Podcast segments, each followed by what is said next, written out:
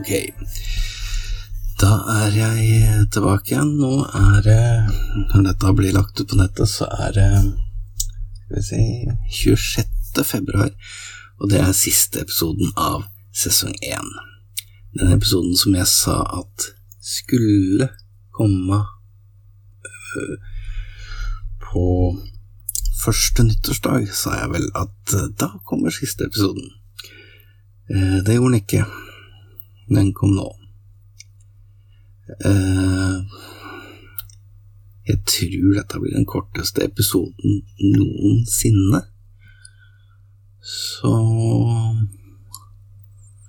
Jeg veit ikke helt hva jeg skal filme, bortsett fra Jeg kunne egentlig bare drite i hele episoden, men det er det at jeg skulle ha en sånn kåre den, beste filmen. Eller de beste filmene jeg så i fjor, eh, som jeg ikke hadde sett fra før av.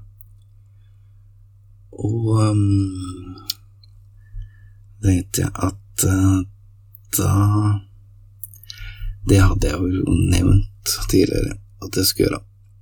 Så da får jeg gjøre det.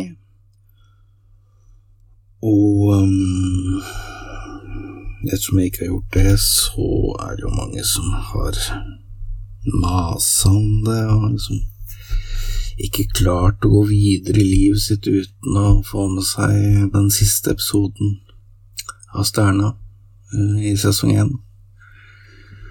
Jeg har fått utallige SMS-er og MMS-er og e-poster og fakser og brev og ja Det er mange som har savna denne episoden. Nei, det var ljug. Det var vel Skal vi se Skal jeg se Det går på, går på en sånn liten inside information her. Skal vi se Jeg tror det er bare tre stykker som hørte på forrige episode. Uh, uh, jo, fortsatt bare tre. Så det er jo greit. Og da, til dere tre, så skal jeg fortelle hvilke filmer som Jeg må ha mobilen fram her.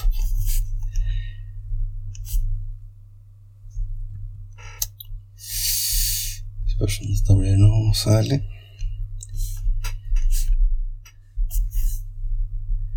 fjorårets fem beste filmer, ifølge meg. Ifølge meg. Det var Yesterday 2019, regissert av Danny Boyle, og med Himesh Patel i hovedrollen. Yesterday handler jo om en som um,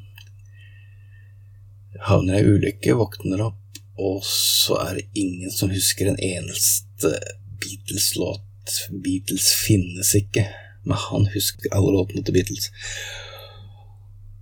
Og dermed så kan han bli popstjerne, fordi han ja, kan alle låtene. Beatles-låtene, som ingen kan, og han er jo og så var det Jojo Rabbit, også fra 2019, regissert av Taika Waititi. Og med Roman Griffin Davis i hovedrollen som Jojo. Jojo Rabbit er um, handler om en gutt som er litt hjernevaska under andre verdenskrig, og litt ja. Uh, I hvert fall artig film, og han er altså uh, Han har uh, Hitler som fantasivenn.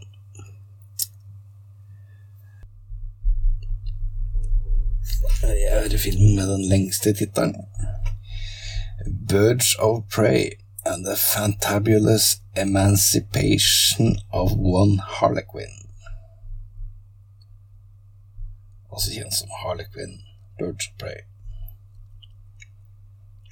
Som er regissert av Cathy Young, og med Margot Robbie som Harlequin igjen. Og på flere filmer der, altså.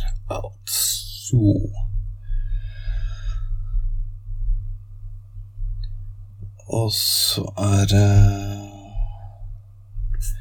Ja, den Så Den er fra 2020. Så det er kanskje ikke noe overraskende at